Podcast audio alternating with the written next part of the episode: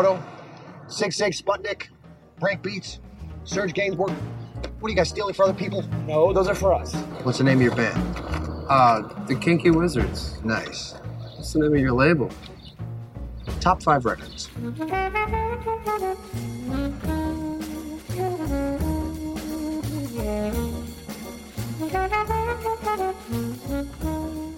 Um, hei, og velkommen til Radio Tidsmaskin. Eh, navnet mitt er Marius Øfsti, og som vanlig kan jeg begynne å si noe, for det blir jo faktisk eh, fjerde uke på rad at eh, vi sender her fra stua mi i Oslo. Eh, så her med meg Lars Einar Skagberg. Veldig hyggelig å få være her igjen.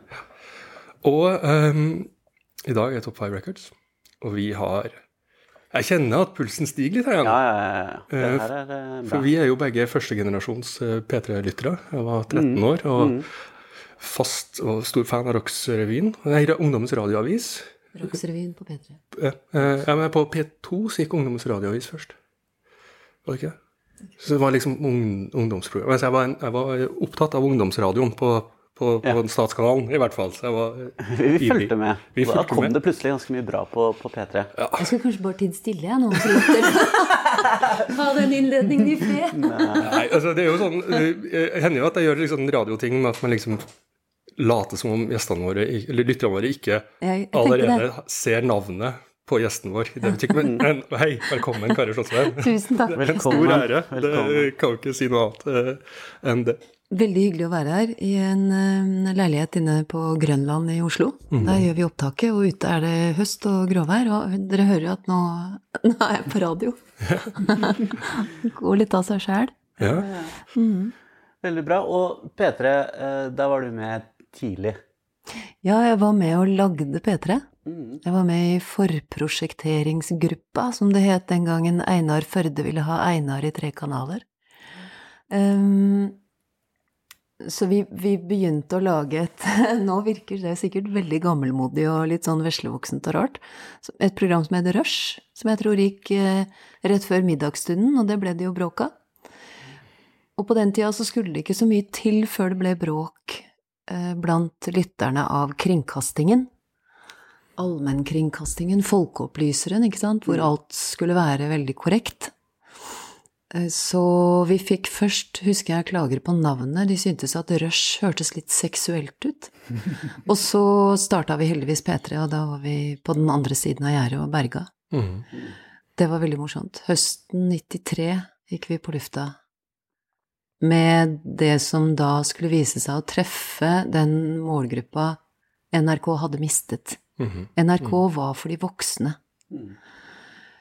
I dag tror jeg at vi ville tenkt om de første, kanskje det første året i P3 at det, virk, at det ikke er ungdomsradio slik vi tenker på ungdomsradio i dag. Det, det tror jeg ikke vi ville gjort. Men da, i kontrast til alt annet som ble levert, ikke sant, Mm. I, i kringkasting, da, Ja, ja. så var det nok det. Pluss at vi henta inn folk fra en nærradiorevolusjon som var kjempespennende på den tida. Mhm. Masse talentfulle folk. Men var det sånn at dere følte da at dere fikk den P3-logoen som så litt sånn tøff og ung ut? At dere på en måte skapte dere et rom hvor dere kunne gjøre øh, veldig mye gøy som dere syntes sjøl var gøy? Hvor, uh... Ja, vi gjorde Det er flere ting her. Hvis vi Det er flere ting her. Vi skapte oss et rom selv. Vi fikk lov til det. Og det siste der er veldig viktig. Fordi vi hadde en eh, ledelse som på en måte ga litt carte blanche. Som sa at dere skaper denne kanalen. Dere er med på å lage det som er den nye tida i NRK Radio. Og det var I min tid så var f.eks. Einar Førde og Tor Fuglevik, som var radiodirektør på den tida, de var veldig tydelige på det. Og jeg husker ennå en sånn sommerdag lenge før P3, to år før, så var jeg vikar i, i gamle Kulturkanalen, det som i dag er P2.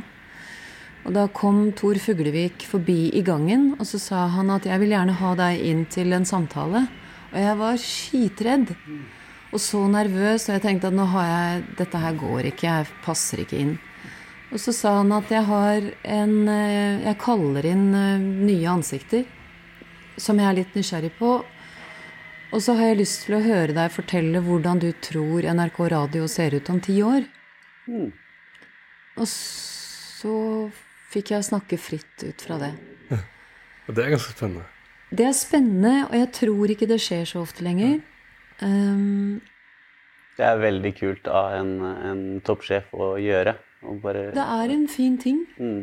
Det kan godt hende at det skjer, men jeg, jeg prøver å la være å se meg tilbake og på en måte mene at ting var bedre før og sånn. For det er ikke så interessant. Det er jo ikke det. Men likevel så tror jeg at det var noe NRK-ledelsen gjorde på den tida med en Kristoffer Schou, en Espen Thoresen, Barbara Jan og meg med Irma. Vi fikk på en måte Herman Basgaard med et program som het Herman på den tida. Vi fikk lov til å gå litt bananas, rett og slett. Det er jo ulempen med å, å spille inn i en ellers stille gate at søppelbilen eh, står her utenfor, men det, det, det er en bil. det er en bil. Det er ikke søppelbil, det er verditransport. Å, Verditransport. er det det der, ja? Resirkulering. Eh, Bra. Men vi, vi, lang karriere, så vi spoler fram til husker jeg ikke om det var i fjor eller forrige fjor, så slutter du i Statskanalen. Ja, jeg slutta 31. mai 2017. 2017, ja. Da hadde jeg min aller siste direktesending på P13. Som ble den nye DAB-kanalen før den digitale omleggingen. Hvorfor, eh, hvorfor det, og hva har du gjort siden? Jeg spurte meg selv noen ganger om jeg ville bli pensjonist i NRK. Og det er veldig fint å bli pensjonist i NRK. Det er trygt, det er bra, det er bra folk som jobber der. Det er en trygg institusjon. Altså jo, jeg sier institusjon fordi det er jo en, på en måte en svær arbeidsplass her. Um, og så sa jeg nei hver gang. Og så lurte jeg, jeg litt på hvorfor jeg sa nei. Og en av grunnene tror jeg var at jeg begynte å bli litt trøtt. At jeg hadde vært på lufta i veldig mange år. Jeg hadde jobba i NRK i 25 år og på en måte vært assosiert med NRK i 28. Um, jeg var redd for å bli trøttere. Jeg var litt redd for å bli sur. Jeg ble veldig redd ved tanken på at jeg en dag skulle bli eh, 62 og begynne å telle ned. Eller kanskje begynne å grue meg til å levere inn kort og bli en som de ønsket å bli kvitt. Altså sånne ting, ikke sant? Og så har jeg voksne barn. Eh, Og jeg har passert 50. Og kvinner over 50 skal ikke slutte i, frivillig i sine stillinger i norsk media. Og da tenkte jeg at det må jeg gjøre. Eh, og jeg kan ikke dø av det. Ikke i vårt land. Nei. Jeg kommer til å få dårlig råd. Jeg er den i huslyden som har huslån. Ja. Så eh, all honnør til samboeren min, som eh, er musiker, og som hørte veldig nøye på det jeg hadde å si, og som da har vært med på denne heisaturen. som det siste året har vært. ja, for, for vi begynner jo vi, eh, eh, Nå sitter vi her og, og spiller inn det her, og du tror at du kanskje får eh, den første boka di i dag. Ja, det kan, Den skal, den skal i salg neste uke. ja. Eh, Jeg, jeg ler litt sånn småhysterisk, men eh, jeg, ja, det kan godt hende det kommer Og- fem prøveeksemplarer i dag. Ja. Og eh, i morgen, for deg som hører på det her, så eh, er du i operaen. Ja, sånn, ja. Nettopp. Ja, Hvis du hører da er på det på ja, torsdag. Ja, hvis du er hører på på dagen Da den- i slippes. Da er boka allerede ja, ute. Ja, nettopp. Sånn blir det da. Ja, for jeg har forskyvelsestid. forskyvelse Ja, tid. det er en ti- tidsmaskin. Boka er i bokhandelen, Ja. og i morgen har vi først generalprøve klokka 15, og klokka 19.30 Operaen scene 2 er vi på plass Oslo Symfonietta, rasende fint orkester, og dirigent Christian Eggen og meg med med forestillingskonsert, performance eh, Hva skal man kalle det, da? La oss kalle det en forestilling. Som heter Ideen om 2018. Det er veldig tidsmaskinrelevant eh, innhold, tenker jeg. Ja, er det ikke det? Ja. Det er jo det. Men det er, en, det er en forestilling om 2018 sett fra 2118. Ja. Hvordan, hvordan ser, ser det bedre eller dårligere ut enn 2018 ser ut sett fra 2018? Det tror jeg er veldig vanskelig å si. Eh, Jeg tror at vår tid, kanskje spesielt dette året, er preget av mye dystopi. Det er, det er mange ting vi er redde for. Eh, magen min rumler, for eksempel. Men vi- har en politisk dreining både i Europa og, og ellers som vi er litt årvåkne for for tida. Klimautviklingen er en av vår tids store, altså dette er den store prøven vår. Og det kan godt hende at det er for seint. Du kjenner jo at det klemmer litt grann her og der. I hvert fall gjør jeg det. Men hvordan det vil være å se seg tilbake om 100 år og si for eksempel Hvordan hørtes vi ut? Hva hørte vi? Hva var vi omgitt av? Og så forsøke å gå inn i det med undring. eh, Med et slags litt sånn en avstand, fordi jeg kan jo ikke stå der om mm, 100 år og være nostalgisk på vegne av 2018. Det er jo helt umulig. Jeg sitter jo ikke her i 2018 og, og tenker liksom med ømhet på 1918.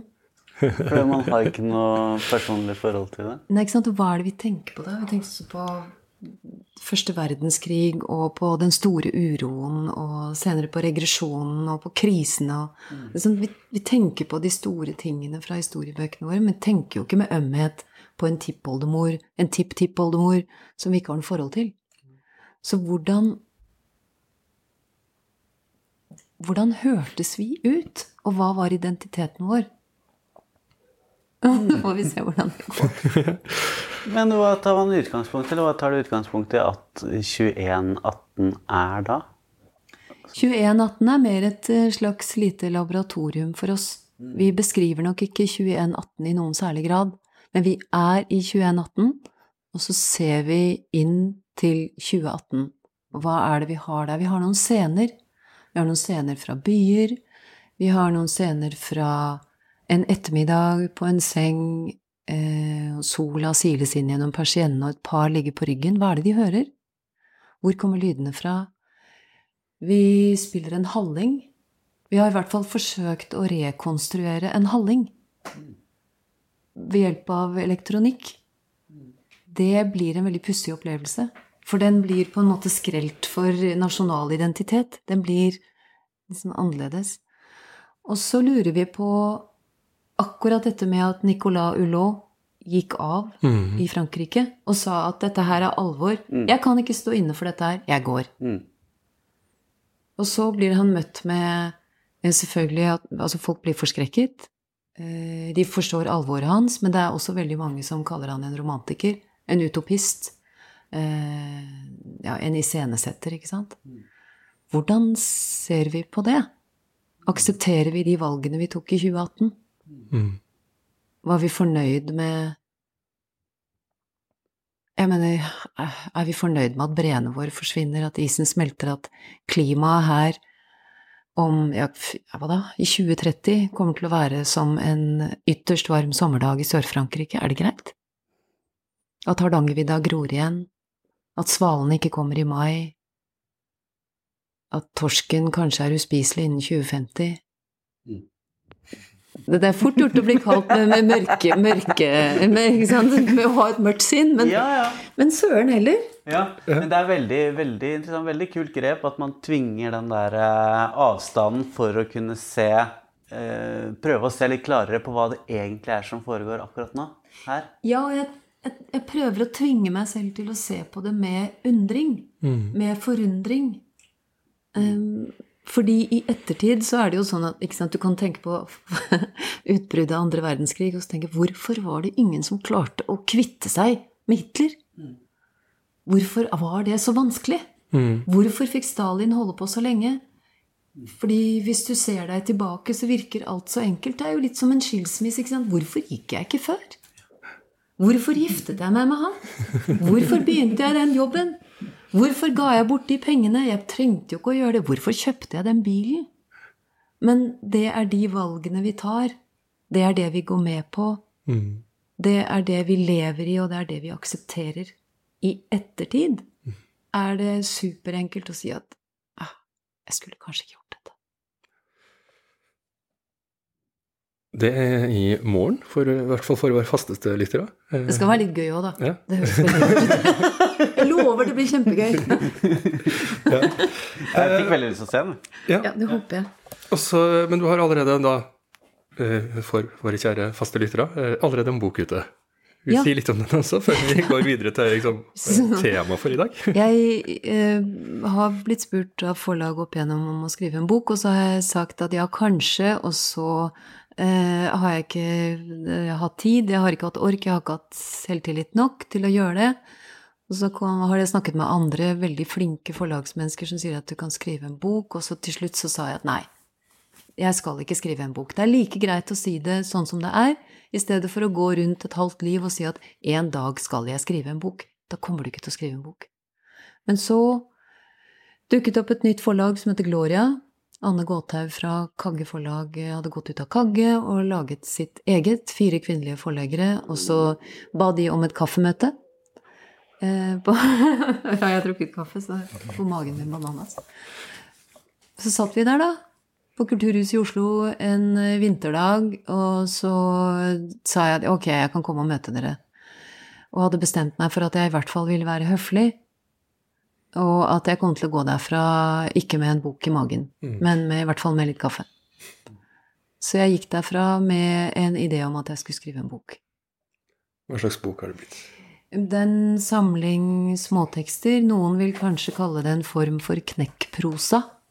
Eh, tekstene er iblant satt grafisk, altså de er satt som en form. En tekst går som en løpende orm, en annen er formet som en gren. Og så handler det nok eh, veldig mye om å bryte opp og være i bevegelse. Også sikkert fordi jeg er veldig rastløs. Jeg liker forandringer. Um, og er en, en sånn sucker for noen brå kast. Sånn som får deg til å våkne og bli litt sjokkert. Jeg liker det ganske godt. Kanskje litt for godt.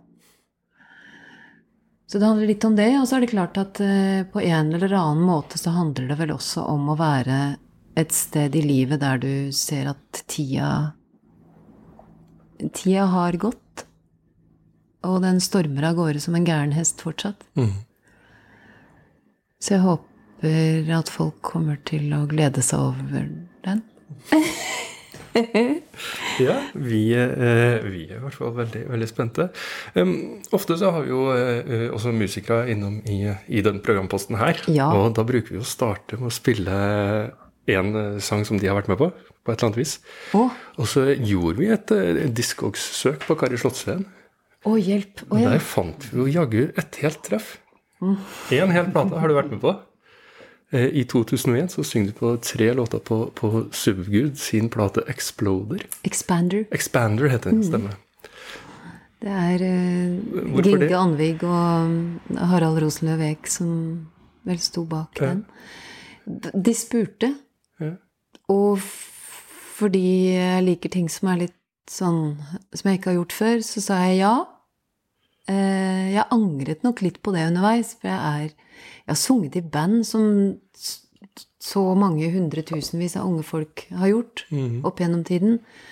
Men det å ha sunget i band gjør deg ikke til en vokalist. Så jeg har aldri sett på meg selv som en, som en sanger, men det var gøy å prøve det likevel. Og så, så var jo Jarle Bernhoft med også. Og Sjur Miljeteig, så det er jo et par skikkelig fine navn her. Og det er også musikere som jeg fortsatt er veldig glad i. Eh, Så jeg ble med, da. Og så kom den ut. Den var vel ikke noen sånn Det, det var jo ikke en hit, men den ligger nå der, og den finnes fortsatt.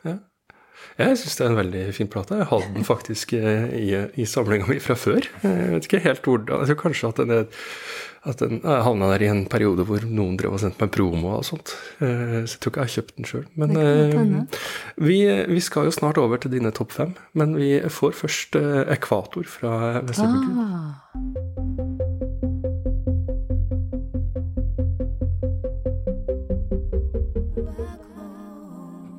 Veldig fin sangscene, da. tusen takk. Det er hyggelig. Du har vel sunget mer også i den forestillingen og de, tingene? Synger du noe der, eller? er Eh, Jeg synger ikke i Ultima-forestillingen. Mm, Der eh, framfører jeg tekst som jeg har skrevet. Men jeg synger eh, litt med Ingrid Bjørnov. Vi har turné igjen med en forestilling som heter Julesanatoriet, hvor vi legger inn folk til jul for å se om de er i stand til å komme seg gjennom høytiden. Og så skriver vi dem ut mot slutten av forestillingen hvis vi synes at det ser ut som de er i stand til å gå derfra med et litt sinn. Og der, der er det jo tralling og, og sånn. Så har jeg jo Jeg har jo sunget Jeg er bare litt varsom med å, å si at jeg på en måte er sanger eller noe sånt, for det er jeg virkelig ikke.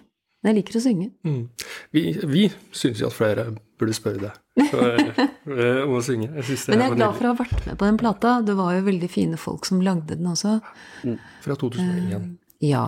Og siden har Det kan man jo nesten høre. Den er veldig 2001 i lydbildet. Den er veldig 2001 i lydbildet. Og siden så har jo Ginge Anvig gjort uh, fantastiske ting med filmmusikk og forestillinger og sånn. Og Harald skriver jo bøker så det ryker etter, og lager filmmanus. Så det er jo veldig sånn produktive folk nå. Jarle er ute med ny plate. Sjur spiller fortsatt trompet. Eh, og gjør tusen andre ting. Ja, er nydelig, den trompeten på den låta vi nettopp har hørt. Altså. Ja, han er jo helt spesiell. En sånn lyrisk mm.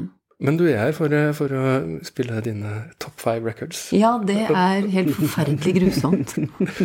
Det er jo ingen som syns det er gøy, Nei. eller ikke bare gøy. Eh, Men jeg tror nok at du er den som har syntes det har vært verst, kanskje, Ja. til nå. Det er vanskelig å Eh, velge. Vi, var jo, vi holdt jo nesten på å spille inn denne sendinga i vår også. Ja. Eh, Og da hadde du sendt oss seks låter. ja. Så nå sendte du oss til sammen ni. Så jeg tror vi er oppe i tolv ulike låter eh, som du har eh, på et eller annet tidspunkt. Ti. Ja. Eh, Ja, tolv til sammen, ja. Tolv til sammen. Ja, det var vanskelig, det der. Men det er, da jeg sendte dere den første lista, så inneholdt den uh, uh, John Coltrane, uh, 'Love Supreme', og den er på ni minutter. Den er borte nå. Så da hjelper det litt. Da får jeg inn tre i stedet, ikke sant? vi, vi, har, vi har vært strenge, altså. Eh, Så vi har brukt, vi har brukt kvantitativ metode Mm, og, og lagt det her inn i regneark og alt sånt. Og kommet fram til at eh, Dere har det òg? ja, ja, ja, av syv av låtene er plukka én gang, og fem av låtene er plukka to ganger. Okay, Så da ja. gikk vi for de låtene som er plukka to ganger. Ja, jo, men det er fair. Men det er vanskelig. Det er vanskelig. når noen sier eh, dine topp tre album Hva er liksom dette århundrets 100 beste album? Og sånn. Ikke engang det klarer jeg. Jeg sier nei. Jeg vil ikke. Eh, dine tre favorittlåter Niks. Dine fire favorittfilmer kommer ikke på tale. Jeg klarer det ikke. Jeg, orker ikke. Jeg lagde en sånn topp fem filmliste i 1997, kanskje. Ja, er Helikopter. politi. Politiet som uh, søker etter taggere på Grønland, som oftest. Nei da, jeg er ikke alltid taggere, men, eh, men det har vært det. det føles jo Eh, jeg, lagde, jeg lagde en topp fem-liste i 1997 en gang, og den har jeg ikke tort å rørt siden. For jeg innser liksom at det, det, det da, du mener den står ennå? Ja, mest at, at, at man kommer til, å bli, kommer til å bli sprø hvis jeg prøver å, å liksom revidere den. Men jeg får så dårlig samvittighet med tanke på all den nye musikken som har kommet, som jeg liker kjempegodt. Alle de artistene jeg overser. Burde jeg ha laget en liste med fem bare kvinnelige artister? Burde jeg bare konsentrert meg om soul eller hiphop? Eller burde jeg bare hatt jazz? Eller Altså, hva Låter som henger sammen? Jeg syns det er kjempevanskelig. Hva, jeg, skjønner det, jeg skjønner det veldig godt. Men det er interessant å høre hva, hva du syns var vanskelig, og øh, hvilken på en måte rettesnor eller parametere du brukte til slutt for å komme, komme fram til det, for å få sortert litt. Mm. hva tenkte du? Hvordan definerte du oppgaven? Jeg definerte den slik at når jeg satt hjemme og hørte på plater, så tenkte jeg den må jeg ha med istedenfor den andre. Og den er jo så vakker. Og så hadde vi en kveld hvor vi satt og hørte på skiver. Og da spilte Martin en del, og jeg fikk ønske meg underveis. Det er så deilig når han gjør det. Så slipper jeg. Og vi satt på verandaen, og det var natt og litt sånn småyer i lufta. Eh, Og så tenkte jeg hun må være med, og han er ute. Og så blir det bare kaos. Så da bestemte jeg meg for å prøve å sette ting inn i en slags sammenheng. Og tenke litt på musikk jeg har hørt som har berørt meg veldig. Mm. Som har gjort at jeg har tenkt at hun har hørt på henne. Mm. Han har plukket opp dette. Denne teksten er viktig. Hvor var jeg da jeg hørte dette? Hvorfor er det slik at jeg hver gang jeg kjører bil, må spille denne?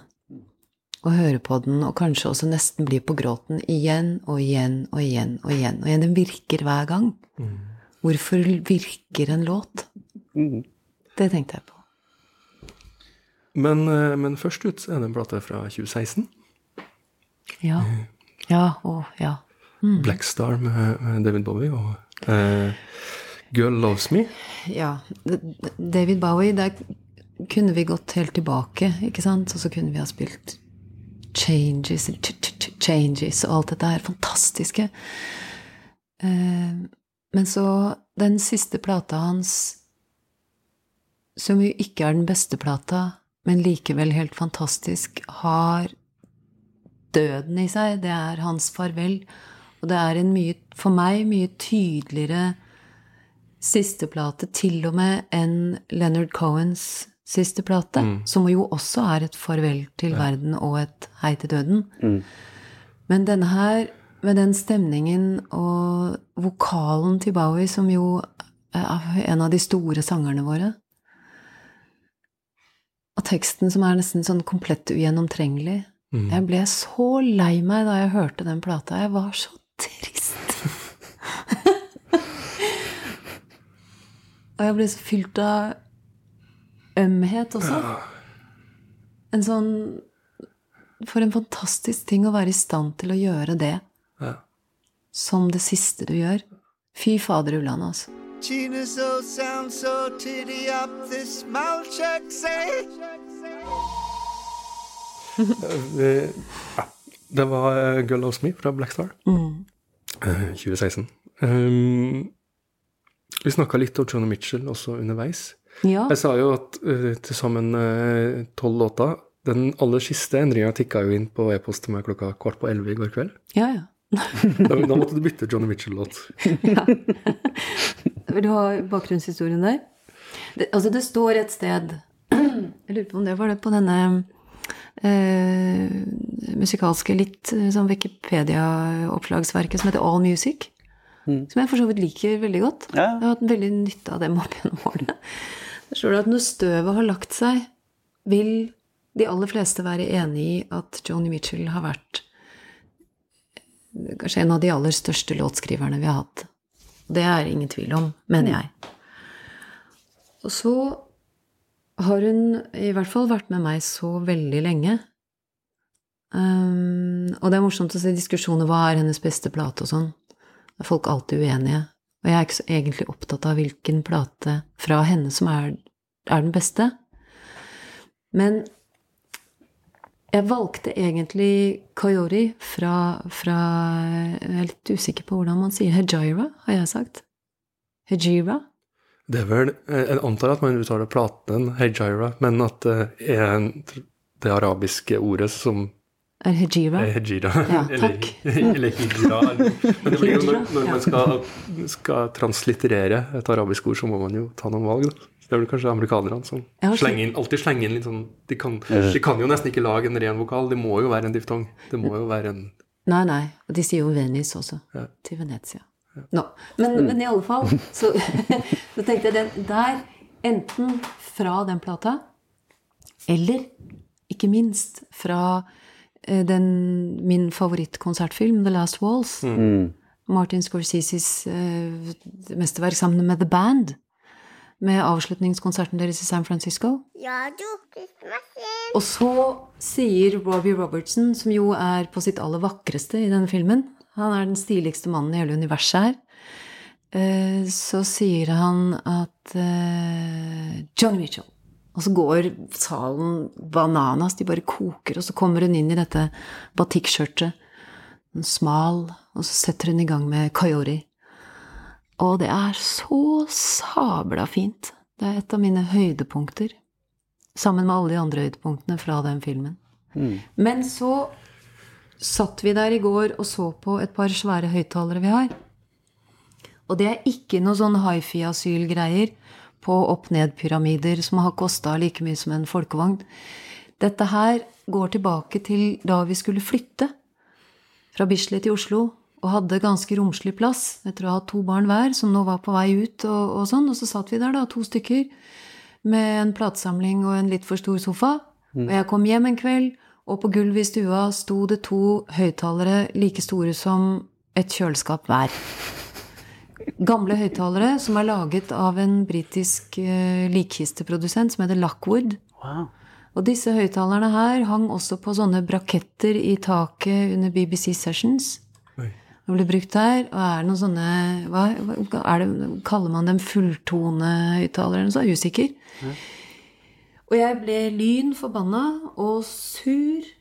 Og tenkte at nå flytter vi inn på en 69 kvadrats leilighet i femte etasje uten heis. Og den lille stua der skal altså fylles av disse to kjøleskapene, som gjør at jeg må selge sofaen min. Som jeg kjøpte i et, en slags villfarelse av at jeg var rik. Hvilket jeg ikke var.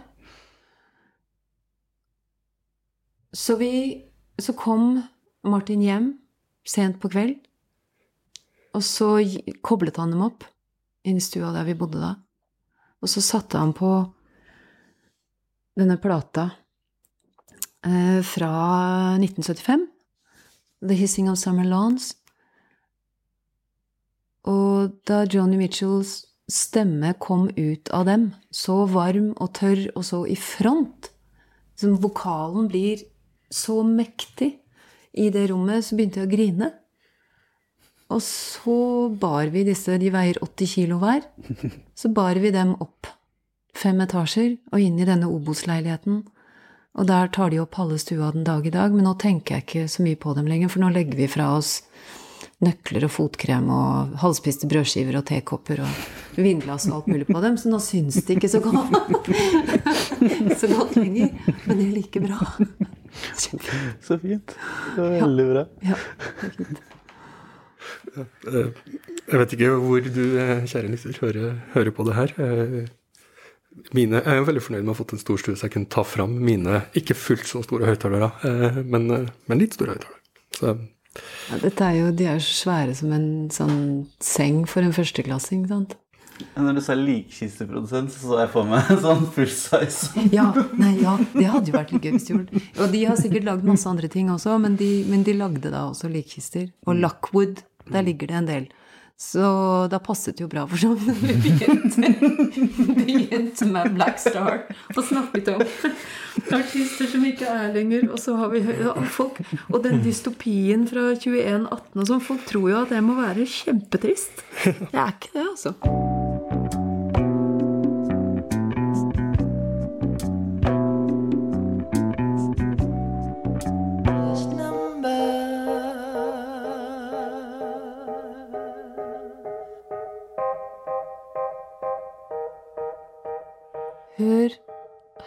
Den stemmen. Det er jo helt smør, og likevel så mm, Med en sånn edge. Han er så Åh, det er så vakkert. Harry, Harry Nilsen Swan eh, fra Pandenomium Nei, er, ah, det er så langt. Aerial Pandemon Pandemonium. Pandemonium. Aerial Pandemonium Ballet. Nei, det gjør noe vanskelig for oss. En gang til.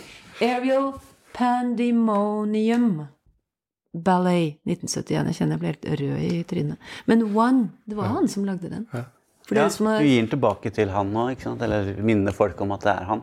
Ja, jeg vil minne folk om at det er han. Det, det er jo for dem som har sett den helt fabelaktige filmen Magnolia, eh, har lagt merke til at det er Amy Mann som fremfører den der, sammen med flere av sine helt utrolig vakre låter. Og en stund tenkte jeg at det var hun som hadde laget den, men det er jo ikke det. Det er Harry Nilsen. Stor låtskriver og en helt fantastisk sanger. Og da han spilte inn dette her, så var han jo på høyden. Da tenkte man kanskje at dette her vil gå skikkelig bra. Ja. Det gjorde det jo ikke. Det er jo tragisk. Ja. Ja. Jeg begynte å se en dokumentar om Harry Nelson som heter noe sånn Who is Harry Nelson? eller noe sånt. And why is everybody talking about him? Ja. Ja, den er veldig god. Ja, det, det, kan, det kan godt hende, men den introen er veldig masete. Det er, jeg så de første tre minuttene, jeg ble, jeg ble helt svett. Det passet, var ikke det en film jeg hadde lyst til å se, fant jeg ut da, etter å ha gått gjennom det. Så jeg skrudde av i, i streamingtiden. Ja, hva skal jeg gjøre? ja, jeg skal det. gjøre det. Jeg har Den bare ikke kommet god. på det før nå, at jeg skrudde av den. For den, husker du den? At den er Mm. veldig sånn masete, oppjaga sånn vi skal fortelle det er masse catchy ting som at Ja. du, du skal sitte gjennom hele filmen. Sånn altfor påtrengende intro. Ja, det er ikke en sånn eh, Det er ikke et, det er ikke et kjempedigert håndverk sånn sett, men det er en veldig fin historie. Og så er det fint å, å huske på hvem han, hvem han var, og hva han gjorde, og hvorfor han egentlig ble såpass stor som sanger, og hva han hadde vært hvis han ikke hadde forsvunnet. Og det hadde gått eh, rett i dass. Um, men One er jo på en måte Det er jo en veldig ensom sang, mens 'Hissing of Summer Lawns', som vi hørte først, jo er et Det er jo en akvarell. Det er et bilde. Det er et, det er et sånt fryst bilde av akkurat dette. Det er jo ikke så trist. Det er mer typisk Joni Mitchell, hvor hun bare maler opp. Og hun er en mester i å skisse opp situasjoner og steder. Gater, hus, mennesker. Hvordan vi er sammen, hva vi gjør med hverandre og sånn. Det syns jeg hun er helt unik der. Og veldig effektiv. Forteller. Mm. Da har vi Jeg føler Jeg liksom at du er blitt mer og mer nedpå her nå. Ganske sånn eh, ja, Men har ikke dere så mange gjester som er oppå, da? Jo da, det er kjempefint det her. Det er ikke eh, noe å tenke på. Det var egentlig et forsøk på litt sånn radioteknisk eh, finurlig overgang. Fordi oh, ja, den neste aha. plata nå, nå skal vi i litt sånn fart igjen. Og det må jeg si, det var eh, Så mye av det du har, har tatt med oss, tatt med, var kjent for meg. Mm. Så, ting jeg har hørt, hørt enten en del på eller, eller mye på. Mm. Eh, og uh, Laurie Anderson er definitivt kjent for meg, men jeg har nok ikke hørt så veldig mye på. Og denne plata har jeg hørt mye på. Den her, det her var liksom plukka ut og hørt på hele albumet og sånt eh, de siste, siste par dagene. For det her syns jeg var utrolig, utrolig morsomt og spennende og, fu- full, og, og nytt, kanskje. Noe jeg ikke har hørt så mye av. Hun, jeg syns hun har vært ny eh, så innmari lenge. Og du nevnte jo Lou Reed i stad. Hun var jo gift med Lou Reed. Um, men hun er en performanceartist. Hun er tekstforfatter, hun har laget filmer. Hun har jobbet med eh, samtidsorkestre, samtidsmusikere, forskjellige ensembler. Hun har undervist. Hun har vært artist in residence for NASA blant de siste.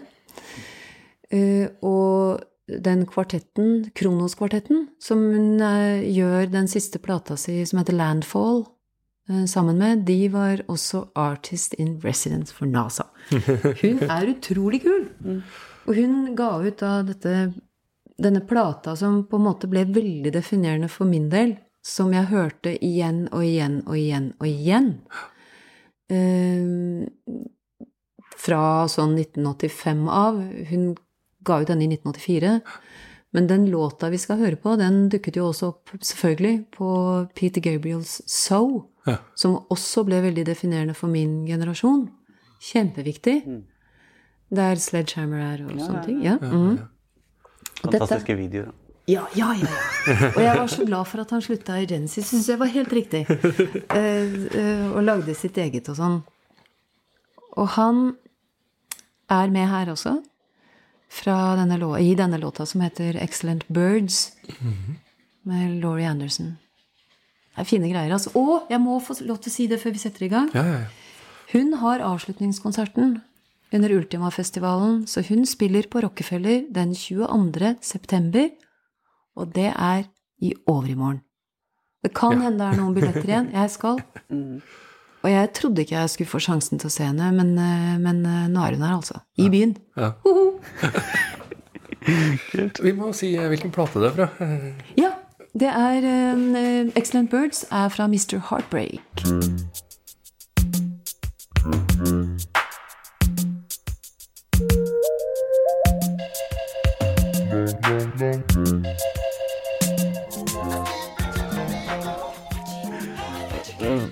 Den historien om eh, hun og den østkystflommen? Jo, um, den siste plata med Kronos-kvartetten, som heter Landfall, anbefaler alle å skaffe seg den. Jeg legger ut på vinyl også. Den handler jo om eh, stormen, orkanen som slo inn over østkysten. Og oversvømmelsene, ødeleggelsene, veiene som forsvant, bilene som sto med vann til vinduene, og at hun går ned i kjelleren der hun bor, der hun har studioet sitt, tror jeg. Så kommer hun ned trappen og ser eh, absolutt alt som er der. Elektronikken, synthesizere, papirer, telefoner. Rubbel og bit.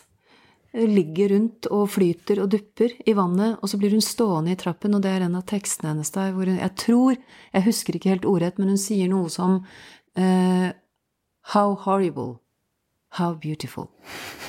Og det er akkurat den der vendingen der som jeg liker så godt, for det er ufravikelig, det er ødelagt. Det flyter. Hun må på en måte Hun må bare rydde opp og gå videre. Og det, det er mitt livsmotto også. Rydde opp, gå videre.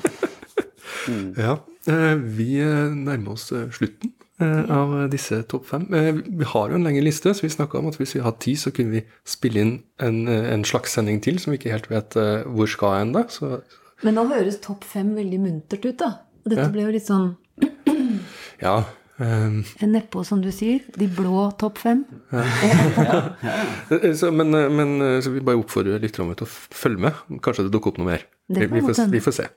Um, siste albumet du har plukka, er det 47. mest solgte albumet i 1987 i USA. Ja, ja. ja. Um, da kan jeg vel tenke meg at du tenker på Prince. Ja, gjør det. Og det er, det er viktige saker. For min del. Og konsertfilmen fra Sign of the Times. Og følelsen av at jeg hadde gått glipp av han, var, det på, på Nye Ullevi han var? Og gjorde Sign of the Times? Jeg husker ikke helt. Jeg var ikke der, i likhet med alle de andre stedene jeg ikke har vært. Mm. Jeg tror det er Geir Skau som bruker si 'Du har ikke vært på noen ting, du, Kari'. Men jeg, men jeg var ikke det. Jeg var en sky person å dra av gårde på konserter og, og haike til Drammen for å få med seg Jesus og sånn. Jeg gjorde ikke det. Jeg gikk glipp av Zappa i Ekeberghallen også. Det er en stor sorg. Jeg gråt da Zappa døde. Og det innrømmer jeg blankt. Det syns jeg var forferdelig trist. Jeg syns også det var grusomt trist da Alf Prøysen døde. Men der er vi ikke. Og jeg syns det var helt ufattelig trist da Prince forsvant. Altfor tidlig. Helt meningsløst, idiotisk, teit.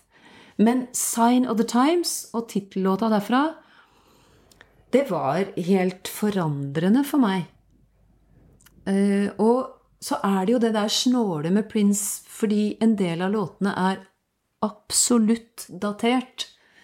På en fin måte, selvfølgelig, men det er et tidsbilde. Du hører hvilket år det er laget i. Um, men den der enorme kraften i musikken hans, og den Det er en viktig låt også, ikke sant?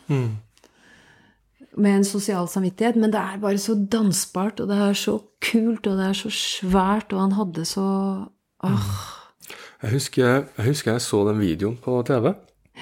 Eh, fordi at på det tidspunktet, for at jeg er jo ja, var ungdom på 90-tallet, og da var jeg liksom eh, Prince var så svært blant de som var litt eldre, og det var sånn veldig popmusikk, og jeg hadde begynt å høre på faren min sine jazzplater, jeg var litt sånn veslevoksen og viktig, så jeg, jeg var liksom tenkt at nei, det, det er ikke noe for meg Nei. i det hele tatt, liksom. Jeg på en måte avfeid, avfeid det som popmusikk eh, fra mitt dumme lille standpunkt. Og så husker jeg at jeg så den videoen, og det tok nok Jeg skal ikke påstå at, liksom, at, jeg, at jeg snudd med en gang har skjønt prins sin storhet, men, jeg kjenner liksom at, at jeg kan huske hvilken stue det var i, og jeg kan huske den, den, den, den sånn lyrics-video. Animert tekst. Så jeg, jeg, Som karaokeprins. Ja, altså, jeg, tror ikke jeg skjønte men at jeg, jeg, jeg skjønte At det var, noe bra. Ja. Ikke sant? Og, og den, den la seg liksom bak i hjernen et sted og venta på at liksom resten av eh, meg skulle bli moden nok til å kunne akseptere Prince. Ja, ikke sant. Men for, for meg var Prince eh, kjempeviktig, og akkurat Sign of the Times, den opp, oppspillet på låta her, eller starten på låta, hørte jeg også eh, en sommer jeg syklet gjennom Danmark. Og det var gule åkre på hver side, og det var varmt. Og jeg hadde en eh, oransje og hvitstripet eh, badedrakt og en sånn uh, avklipt uh, olabukse. Og bagasje og telt. Og så hørte jeg på dette her på en gul Sony Walkman som jeg hadde kjøpt av en fyr på et hjørne på Universitetet i Oslo, på Blindern, for ganske mye penger. Som jeg mente jeg hadde. Og så hørte jeg på Sign of the Times, og det gjorde også han jeg syklet sammen med. Så vi satte den på på likt, på hver vår. Sony Walkman, han hadde svart, tror jeg. Og så syklet vi etter hverandre gjennom denne julidagen i Danmark og alle disse sandstrendene der ute og hørte på Sign of the Times. Derfor er Sign of the Times sandstrender og gule kornåkre og en julidag i Danmark. Tusen takk for at du ville komme og dele dine låter med oss. Takk for at jeg fikk komme.